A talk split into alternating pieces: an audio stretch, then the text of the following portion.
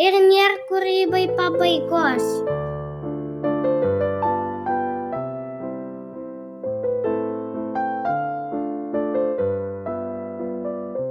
Sveiki, sveiki, su jumis Rasa Sagė ir podcastas kūrybiškiams žmonėms. Tai pokalbių laida, kurioje kalbėsime apie kūrybiškumą. Su žmonėmis, kurie yra visi susijęti viena ir ta pačia gyja. Jie negali nekurti, kuriems kūryba yra jų pačių esatis ir gyvenimas. Šis podcastas kartu yra ir kelionė. Po Lietuvą, po kitas šalis, po įvairius pasaulio kampelius, kur gyvena kūrybiški žmonės. Pirmajame epizode, kurį pradedame šiandien, simbolinę datą, rugsėjo 1 dieną, keliamės į Marijampolę. Kalbėsiu su nuostabia moterimi, kurėja, knygų autorė, poetė, mąstytoja, filosofė, žurnalo Baltas kambarys sumanytoja ir įkūrėja ir dar daug, daug veiklų vykdančią ir apimančią asmenybę, taip pat matematikos mokytoja Luana Mas.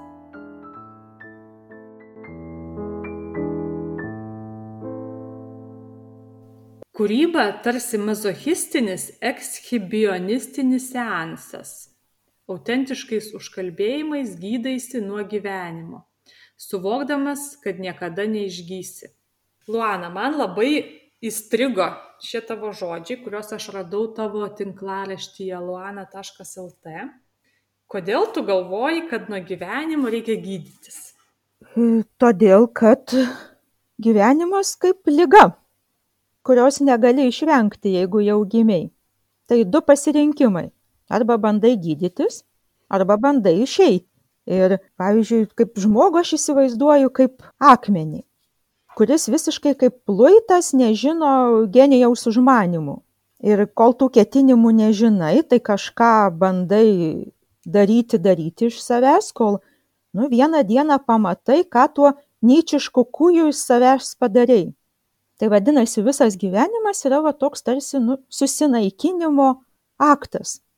Nu, tada atrandi tokią priemonę, kad va, tą prigimtinį naikinimo instinktą gali sunaikinti tokiu aktu, kuris vadinasi kūryba. Kūryba yra kaip švelnesnis naikinimo instinkto perdengimas. Ne kažkoks dieviškas nušvitimas, ne kažkoks išaukštintas piedestalų e, vertas pagarbinimo objektas. Tiesiog kūryba tu bandai užslopinti naikinimo instinktą. Kas įvyksta, kad kai kūryba tarsi iškart žmogui atrodo, kad tu turi kažkokį objektą sukurti taip iš kažko, kažkas turi rastis.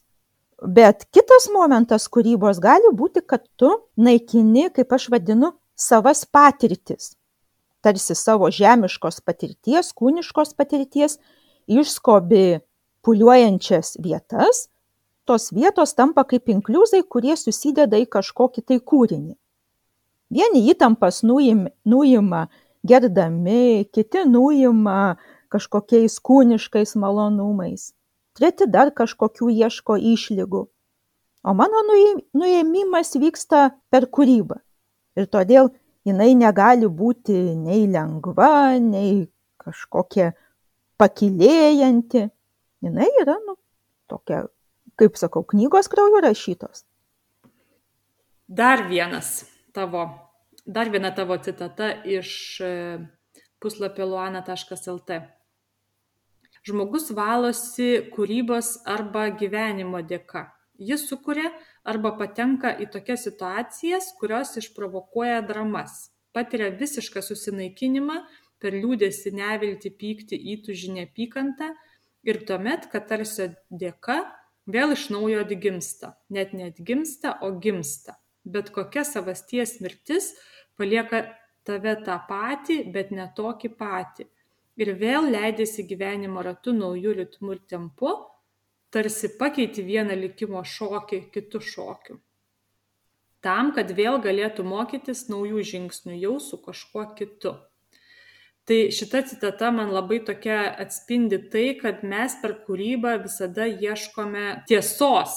Tiesos kurios mums kaip ir, kaip ir neleista pamatyti arba neleista jos kažkoks rašydas uždėtas ant tos tiesos. Ir tai, kad mes jau čia esame gimę, tarsi ne savo noro, ne kad kaip tu irgi už, užsimeni, tarsi niekas mūsų neklausė, jau tu turi, kaip sakoma, kapstytis.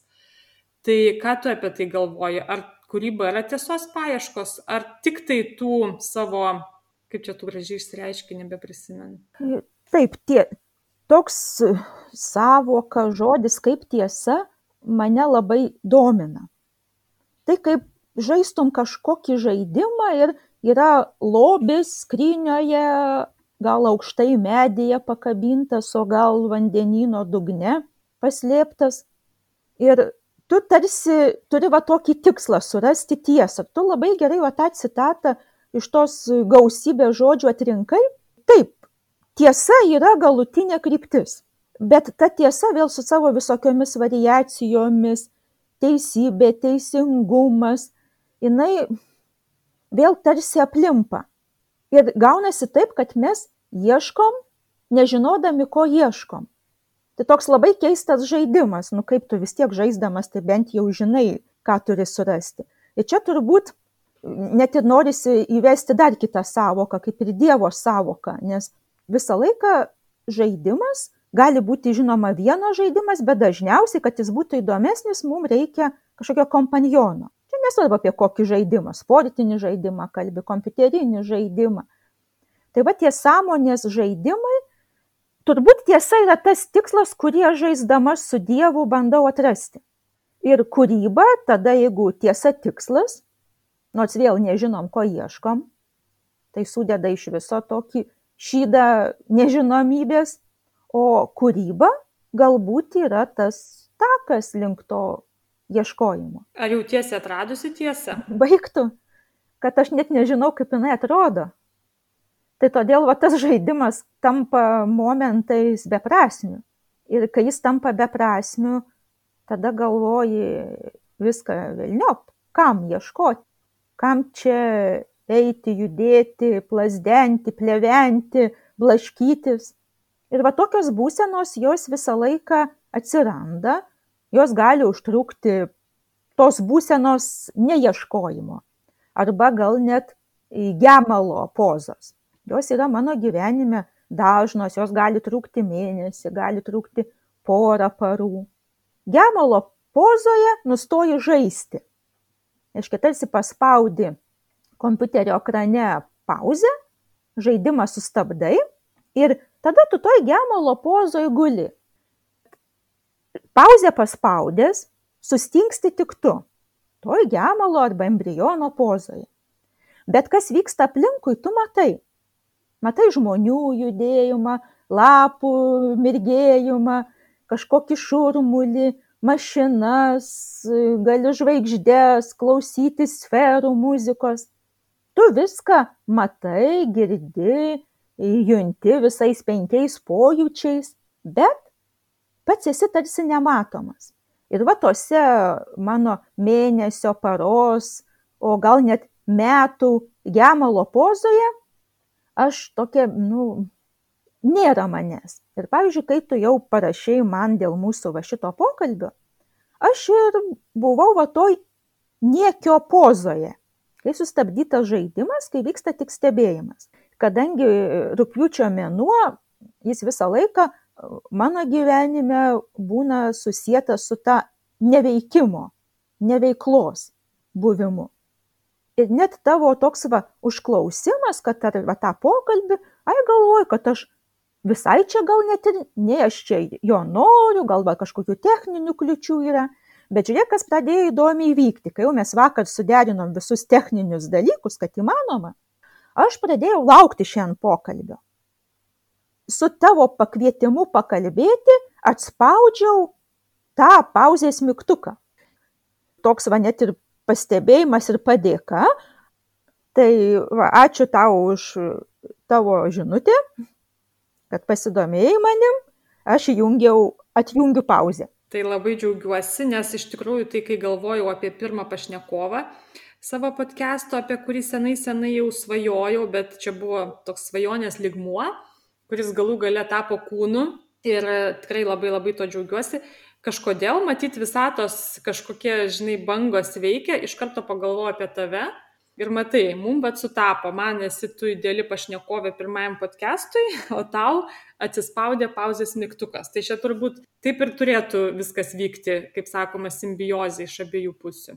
Taip, ir tada va, tas parodimas, kad ir, kad ir kokie mes galim būti individualistai, kartais net mizantropai, man atrodo, aš kartais net tų žmonių net nekenčiu, bet kitą akimirką matau, nu kaip aš myliu, tik ne tiek myliu, kad eičiau į politiką, kaip kažkada e, socialinio darbo ministrijai pasakiau, kad jūs turbūt labai mylite žmonės, kad norėjote eiti ministrus. Tai mano nuo mizantropinių pajautų žmonijai iki begalinės meilės irgi yra labai plonytė raudona linija. Luana, tu sakai, kad, sakei, minėjai, kad e, tu labai daug esi visko padariusi ir kad ta pauzė, man toks norisi komentarą įterpti, kad ta pauzė, ta embriono pozė, poza galbūt iš tikrųjų e, kūrybinėme procese, tos tiesos paieškose net nėra tikra pauzė, tai yra kažkoks brandinimas, kažkoks, e, kažkokio naujo dalyko, tas e, toks augimas tavyje.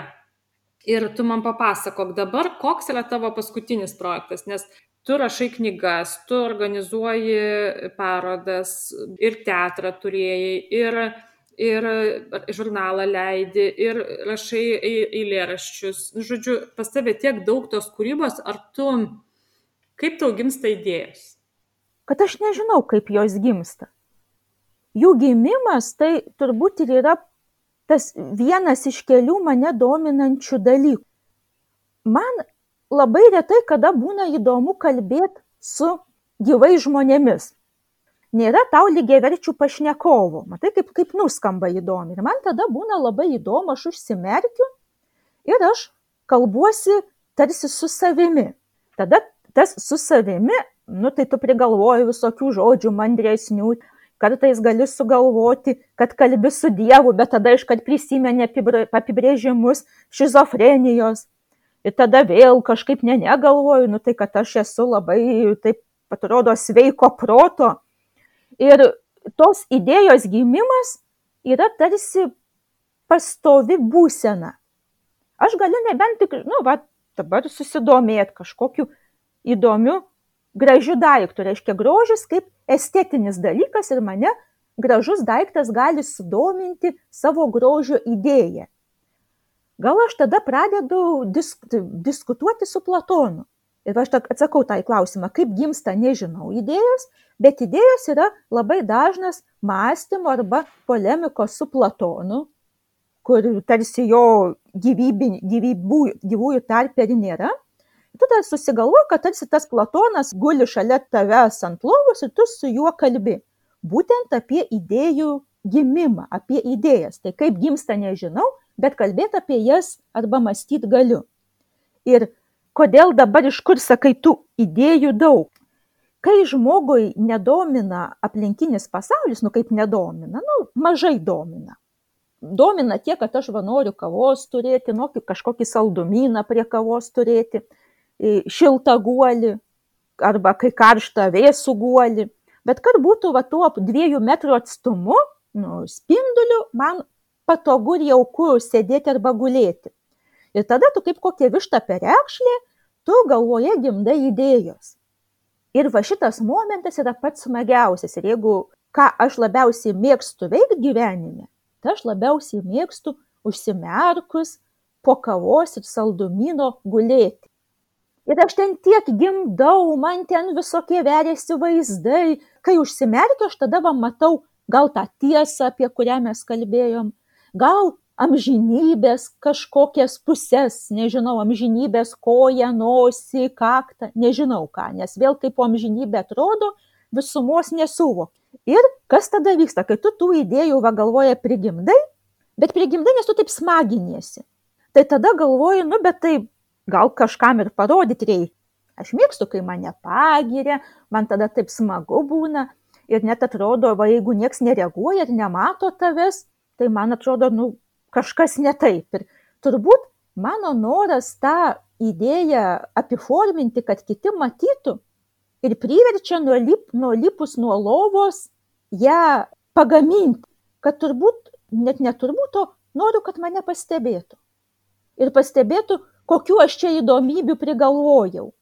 Ir net ir knygos, draugai, sako, aš rašau knygas savo. Ir jis sako, nu tai jeigu žmogus rašo savo, nu tai kam jas leisti? Ja parašius man yra būtinybė išleisti, nes kaip kitaip aš žmonėm papasakosiu apie save arba parodysiu, nu žiūrėkit, nu kokia va aš čia įdomi, nes aš tikrai labai savo patinku. Bet jeigu būsi tik užsimerkus, tai nieks nematys to. Nu tai va, tai turi parodyti. Tai vadinasi, vis tiek, koks tu žmogus bebūtum savyje, su savim, individualistas ir vis tiek reikia kitų žmonių dėl patvirtinimo. Vadinasi, savyje yra kažkoks trūkumas, nes to patvirtinimo aš prisipažįstu ir man reikia. Ir visiems turbūt pasaulio žmonėms, kaip valgyti, miegoti ir kvepuoti, reikia kitų žmonių patvirtinimo. Tai rodo, kad mes vis tiek esame grupė, bendruomenė ir kažkokia tai gentis, nesame po vieną. Taip, taip, va šitas va, gen, gentiškumas vakar aš ekrane išsi, išsimečiau, kas yra žmogus. Tiesiog primityviai, ką Wikipedija rašo. Ir pagal tuos apibrėžimus, kas yra žmogus, aš labai suabejočiau, ar tikrai aš esu žmogus. Tai vadinasi, arba reikia ten pildyti ir savokas plėsti, nors viena tiesa tikrai yra parašyta apie gentį. Jeigu imt mokslinę klasifikaciją, tai va reiškia mes kaip žmonės esam gentis. Ir va šitas dalykas, kad gentis iš karto nurodo į ne į mono, o į polį ir daug, daugia lipiškumą. Ir kaip yra sakoma, kad žmogumi tu tampi tik tarp žmonių, tai atmesti kitų mes negalim, kad ir kokie savo atrodytume ypatingi. Nes taip ir išnyksime su savo ypatingumu. Papasakok man, kokia ta riba, nežinai, kūryba tai yra tokia, tikrai tokia bepratizmo riba, nes tu visiškai atjungi savo protą ir tu veiki per kažkokias kitus savo funkcijas. Tai kaip tau atrodo ta riba sveiko proto? Tai dabar tas sveiko proto riba, aš turiu labai gerą lakmusą, tokį lakmusą arba cenzą, skydą. Aš mokau žmonės matematikos. O kai ateina privačiai mokau matematikos, esu baigus Vilniaus universitetą matematikos fakultetą, matematika man buvo visą laiką nuo mokyklos pats lengviausias, aiškiausias dalykas ir todėl įstojau, kad ten nieko nereikia mokytis, o sunkumų prisigalvodavau kitokių gyvenime. Tai va tas mano e, skydas arba sveiko proto parodimas yra, kad aš tai pragyvenu iš matematikos. Tai reiškia, man žmonės moka už protą, kurį aš įdedu į kitą objektą.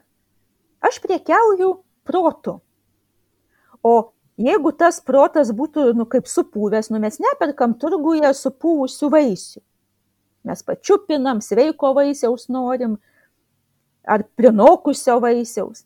Tai lygiai taip mano prekiavimas proto arba tas mokymas matematikos ir yra parodymas kad su mano sąmonė su mano adekvatumu yra viskas tvarkoje.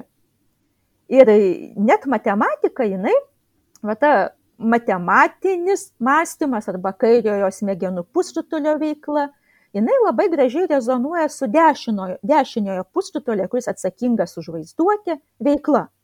Aiškia, kūryba, kai aš iš, išeinu į, iš vieno kambario į kitą, aš tampu tokiu, nu, kurėjų, o žinom žodis kurėjas, kitiem asocijuojasi su žodžiu dievas, tai aš tarkim ėjusi savo žalę į kambarį, man nusikelia būto kambario stogas ir aš tampu dievu. Ir kai skambutis į duris, aš išeinu pro duris į kitą kambarį, sėdu prie stalo ir mano visas dieviškumas susitraukia į tokį mažą gumulėlį. Ir tada tas mažas gumulėlis, kuriame yra labai, nu, kaip toks, kaip singuliarumo taškas, kuriame tankis labai didelis, aš tada mokau kitą žmogų to, ko moku pati toje srityje. Toje srityje, tai čia konkrečiai aš kalbu apie mokyklinę arba aukštosios matematikos kursus. Nes matematika tai nėra tik tai, ką dažniausiai žmonės sužino mokykloje. Ir kartais, jeigu mokiniui matau, kad jisai gali su manim leistis į kažkokius filosofinius disputus, ten 10-15 minučių, jeigu nėra po jo kito žmogaus, aš, aš leidžiuosi tokius į filosofinius dalykus. Ir matai, kas įvyksta, kad va, tie sveiko proto, kur patvirtina matematika, tai yra tarsi tavo, nu, įkvėpimas. Tu kaip įkvėpi. O kūryba yra iškvėpimas. Ir tada gyvenimas jis tampa toks, nu, kaip harmoningas, arba kaip mūsų e, kažkokia va sinusoidė, kai mes galėsime dar pratesti. Pastebiu, kad primink apie sinusoidę ar kosinusoidę. Kūrybą iškvėpiam, matematiką įkvėpiu. Ir aš va taip gyvenu ir kvepuoju. Iškvėpiu ir įkvėpiu. Ir todėl va šiandien, kai rugsėjo pirmoji, nes vasaros metu aš tarsi būnu iškvėp, O pabandyk tu du mėnesius pabūti iškvėpęs. Įkvėpti tai reikia. Ir kai jau kitą savaitę ateis pas mane mokiniai, aš va jau tokį gausiu tokį, nu, labiau subalansuotą kvėpavimą. Tai matai, tas gemalas būna iškvėpęs, jis nekvėpuoja ir laukia, kai vėl galės įkvėpti. Bet įkvėpimas, kaip mes ir kalbėjome, matai, susijęs su kitu žmogumi. Kaip tu gražiai pasakoji, tiesiog nuostabu, čia man tokia kaip poezija skamba su tuo įkvėpimu ir iškvėpimu ir iš tikrųjų man labai rezonuoja ir aš jaučiuosi tikrai panašiai, bet dabar tu man pasakyk apie konkrečius savo iškvėpimus ir ką tu šiuo metu kuri ir kam tau reikėtų to kito žmogaus. Taip, tai dabar tie iškvėpimai konkretinam, nes čia kai filo, filosofuojam, atrodo, čia e, sėdžiu ant tos lovos ir nieko net nenuveikus, apčiuopiamu. Paskutinis dalykas, kurio dar net rankose neturėjau, turi atkeliauti šiandien paštu, nors Lietuvos knyginuose jau yra, tai yra manoji knyga Utopinė mokykla. Ši knyga vėl matai kaip įdomiai, yra manoji knyga, bet jinai susijęta, tai yra kartu ir mano draugės Editos Lei knyga. Edita yra tokia mano, nu, kaip šiame gyvenime patikėtinė, kaip tiltelis link žmonių priartinti ir va jos dėka vėl knyga vaikams, čia jau grinai knyga vaikams, utopinė mokykla apie e, Paršelio Migelio įkurtą mokyklą. Tai čia yra konkretus kūrinys, kurį galima tikrai knyginuose, internete užsisakyti ir nusipirkti. Dar konkretus dalykai tai yra pastarųjų ketverių metų produktai, aš nemėgstu žodžio projektas. Anksčiau man jis būdavo susijęs su projektu, kai tu, kai nori pastatyti namą ir kuri kažkokius štrichus arba škicuoji kažkokį užmanimą. Ir kai visa, visa aplinka kalba apie projektus, apie finansavimus, tai aš visą laiką susigūžiu. Nes visa tai yra toks blefas ir toks netikrumas, todėl mes pastaruosius tris dešimtmečius ir esam apsupti e, blefiniais dalykais, projektiniais. Tais namais, e, tais e, objektais, kurie turėtų tvirtus pamatus, o jie yra tarsi projektuotoriaus popieriuje. Tai va visas tas kelių dešimtmečių netikrumas, tai kaip to paršelio iš pasakos apie tris paršiukus popieriniai nameliai aš nekuriu projektų ir aš nedarau projektų, tų popierinių dalykų. Ir kai aš jų nedarau, man niekad nereikia laukti ir prašyti finansavimo. Tai yra dalykai, kurie yra už manęs. Jie mano pasaulyje neegzistuoja. Kiekvienai sukurtai idėjai aš pati užsidirbu pinigus ir tą idėją realizuoju. Lygiai taip, kaip Paršelio Migelio knyga, lygiai taip kaip artėju prie mūsų žurnalo Baltas kambarys. Kodėl aš dabar taip patosiškai apie jį pasakiau? Nes tame baltame kambaryje mes abi ir esam susijęs. Žurnalas Baltas kambarys yra apstatytas daiktais. Apstatytas tam tikromis rubrikomis, po kiekviena rubrika slypi, nes, nesislepia, bet slypi gyvas žmogus. Ir va štai tame baltame kambaryje, tame žurnale yra žydinys. Ir žydinio rubrika rašo Rasa Sagėva, e, mano pašnekovė arba žmogus, kieno aš esu šiandien pašnekovė. Tai vadinasi, mes su Rasa gyvename tave, tame viename baltame kambaryje.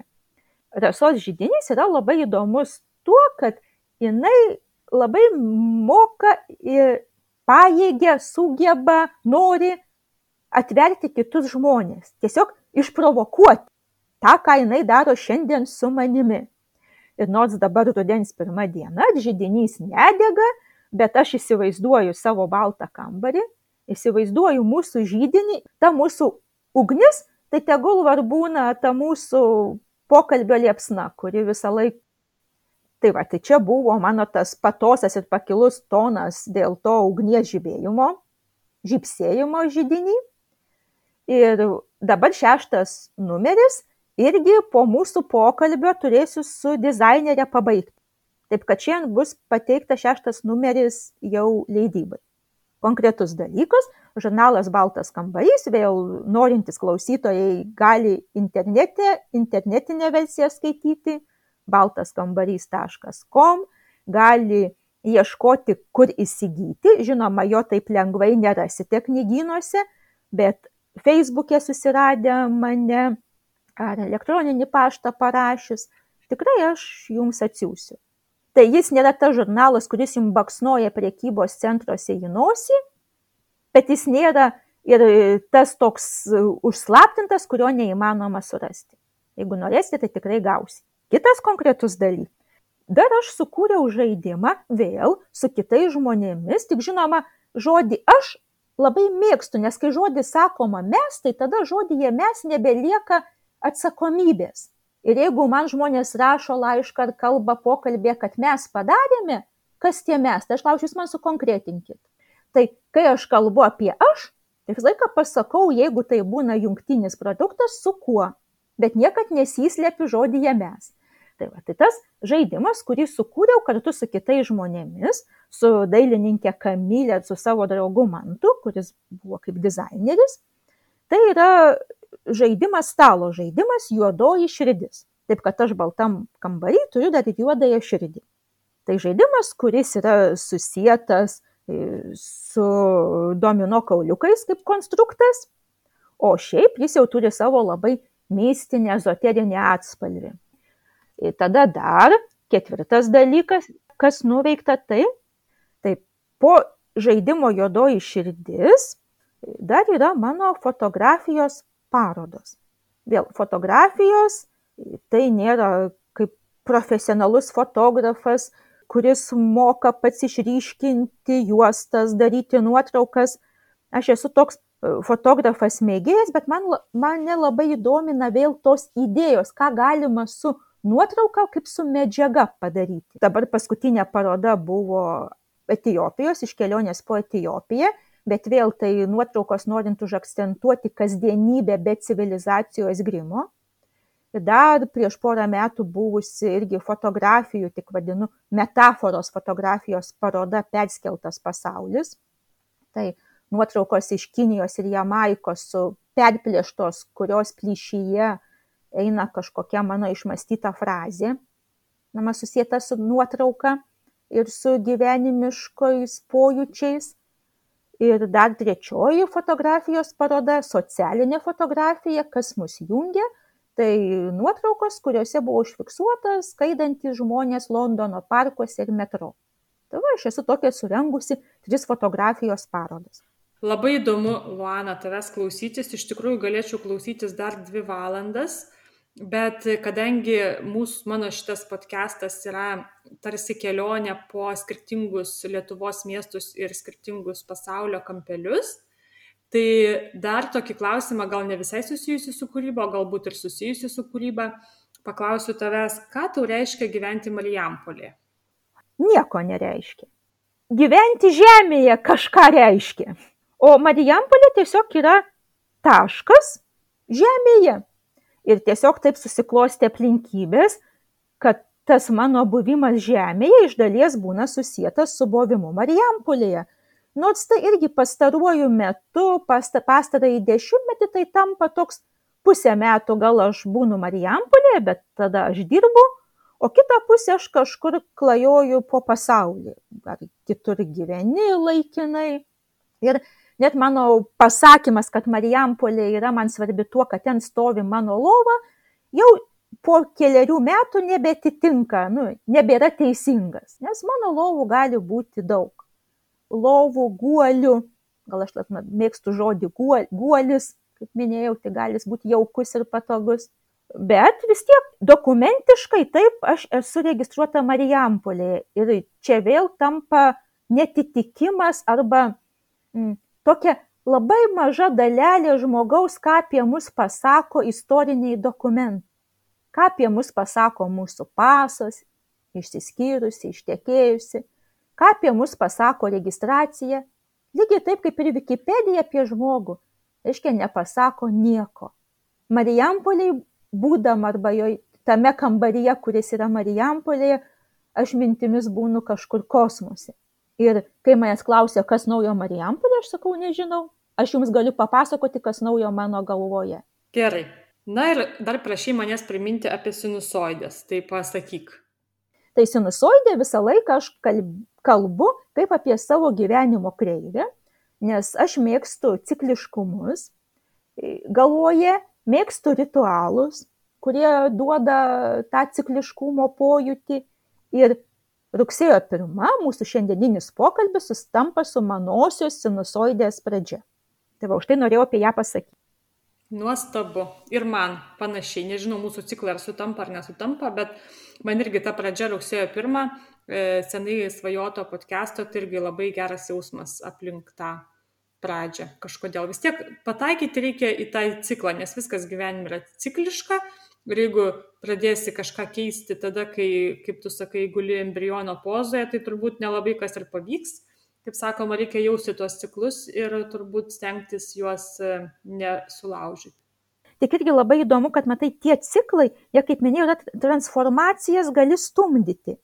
Jos, ne, jos neturi žmonių sutapti, visų ciklai gali būti skirtingi, skirt, skirtingoje vietoje prasidėti. Ir pavyzdžiui, yra labai įdomu kalbėti apie vektorius. Pasaulio suvokimą galima kalbėti arba mąstyti per tašką, galima mąstyti apie vektorių. Žmonės dažnai įsivaizduoja save kaip tašką.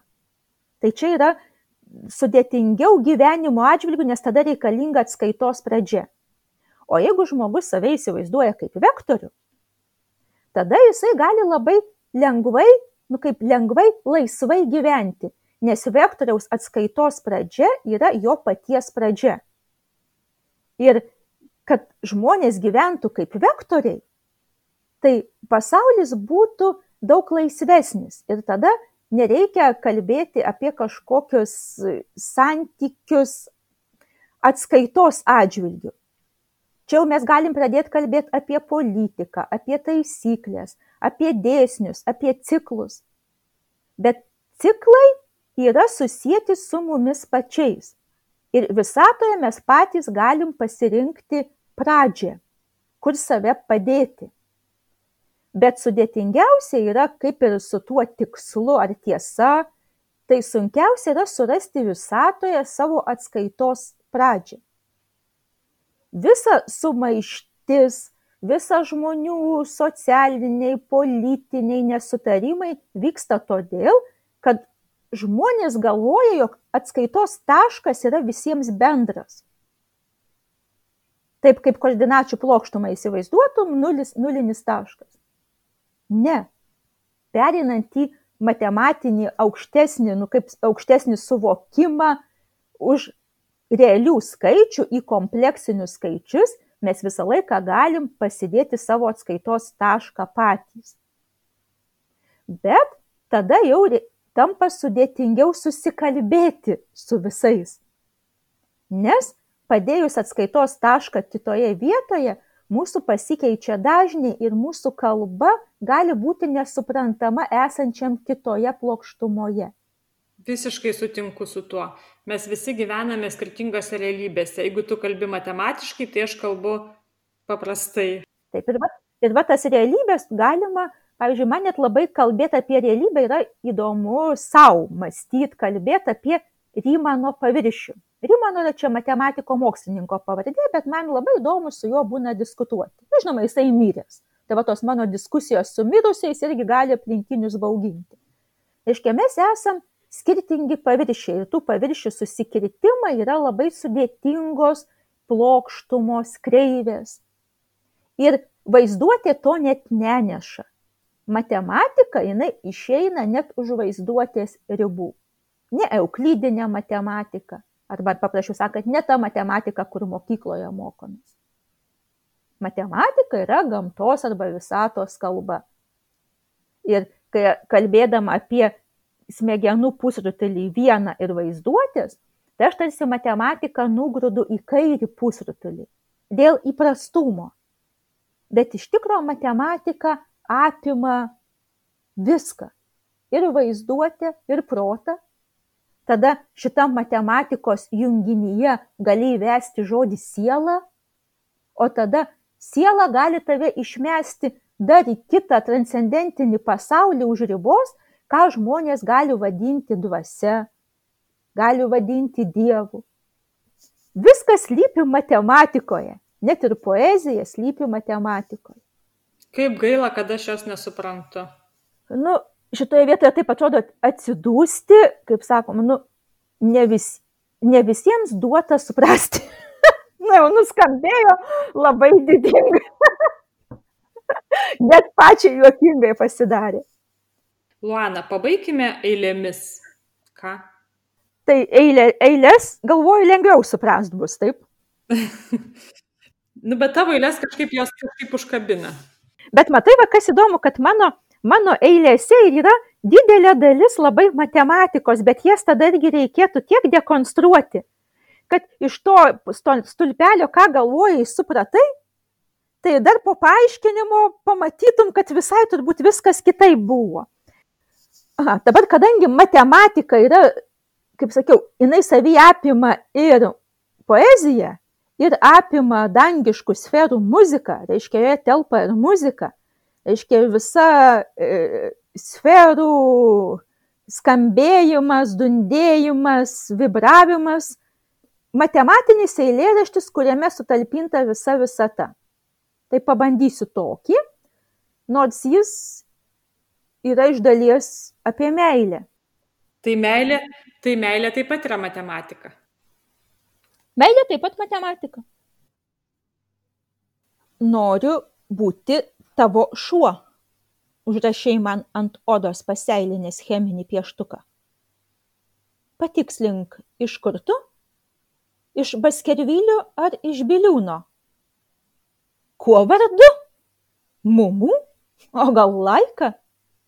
Žinau tik, kad tu ne tas penktasis iš tanko ir ne ketvirtasis iš valties. Būti trečiu kosminėme laive, lekiančiame į juodąją skylę su vardu kaip ornamentu ant borto - savižudybė. Nežinau, ar galiu leisti, kad lodamas išbaidytum žvaigždės. Kaip aš tada rasiu šuns žvaigždyną?